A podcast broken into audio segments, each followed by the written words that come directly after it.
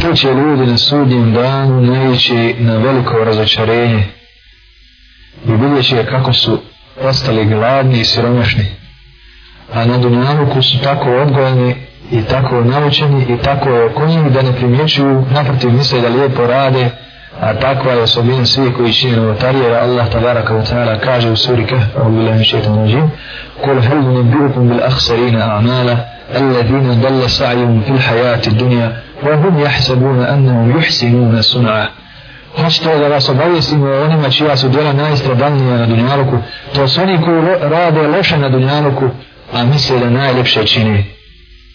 Ti ljudi imaju takozvani ta'ul, tumačenje, to i sprečava da ne budu kjafiri.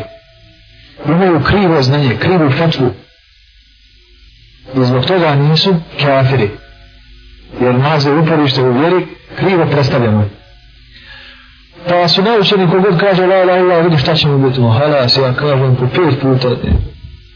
Ja kažem posle svakog bezana, ja kažem na svakog kijanu tako da on je jako obmanjen on misli da čini dobro da čini dobro vidi kolika je njecivost po pitanju vjere da ti šefi daje dinar upovjerite ga ti ga osjećaš emanetom jel'e?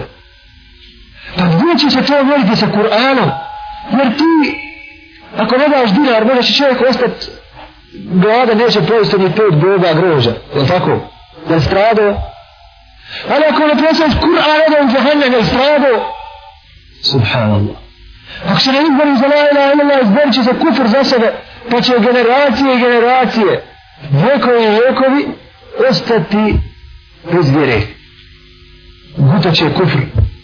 Ugonit će im se kufr. Biće na njega primoravani.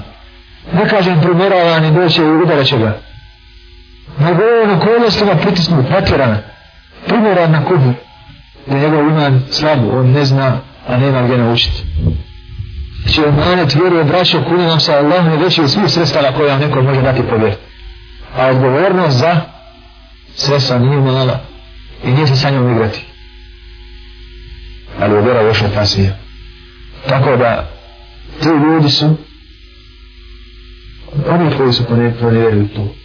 Još gore, ne bi se nikom drugom baviti širenjem vjere. Ha? maksimalni raspolagači vjerom a'udhu billah. Pa šta hoćemo poslije toga? To nas posjeća na papu kada je on branio da u svijetu iko ovaj, bude kršćan se kako on hoće. Allahum se a mi znamo da vlast pripada samo Allahu tabaraka wa ta'ala i da je dokaz samo ono, ona vjera koju je donio Resul sallallahu alaihi sallam svako drugo mišljenje mora biti tačno i krivo tačno je onda kada ima za sebe dokaz, jer mišljenje samo kao mišljenje nije dokaz. Ničije mišljenje nije dokaz.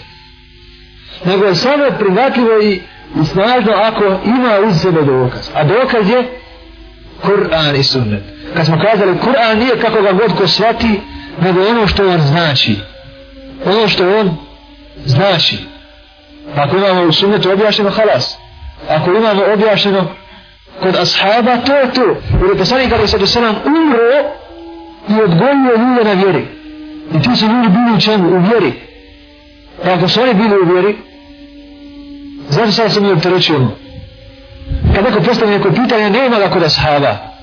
Moramo odmah upitati, je li tebi dovoljno, jer mi ulazimo vjeru radi ahireta, je li tebi dovoljno da budeš na vjeru ashaba da uđeš u ahiret, da uđeš u džennet?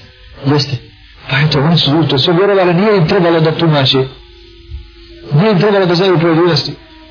Vjerovali su da Allah samo što nisu sada pitali i cijeli znači šta je to, šta je to ovaj, Allah da uzvišno šta je njegova moć, je li vaka, ili vaka, je li dovoljno pojaviti i oni su shvatili, ušli u džennet i bili najbolja generacija.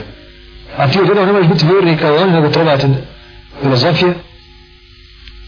To je dokaz koliko su srca bolesna, drogirana i treba im droga naučena da žive filozofijom i treba im strano osjećaju glada koje ne ima. Molim Allah tabarak ta'ala da nam išisti srca i da nam bude dovoljna njegova uputa da nas sačuva za. Barakallahu fikum. Subhanahu wa ta'ala.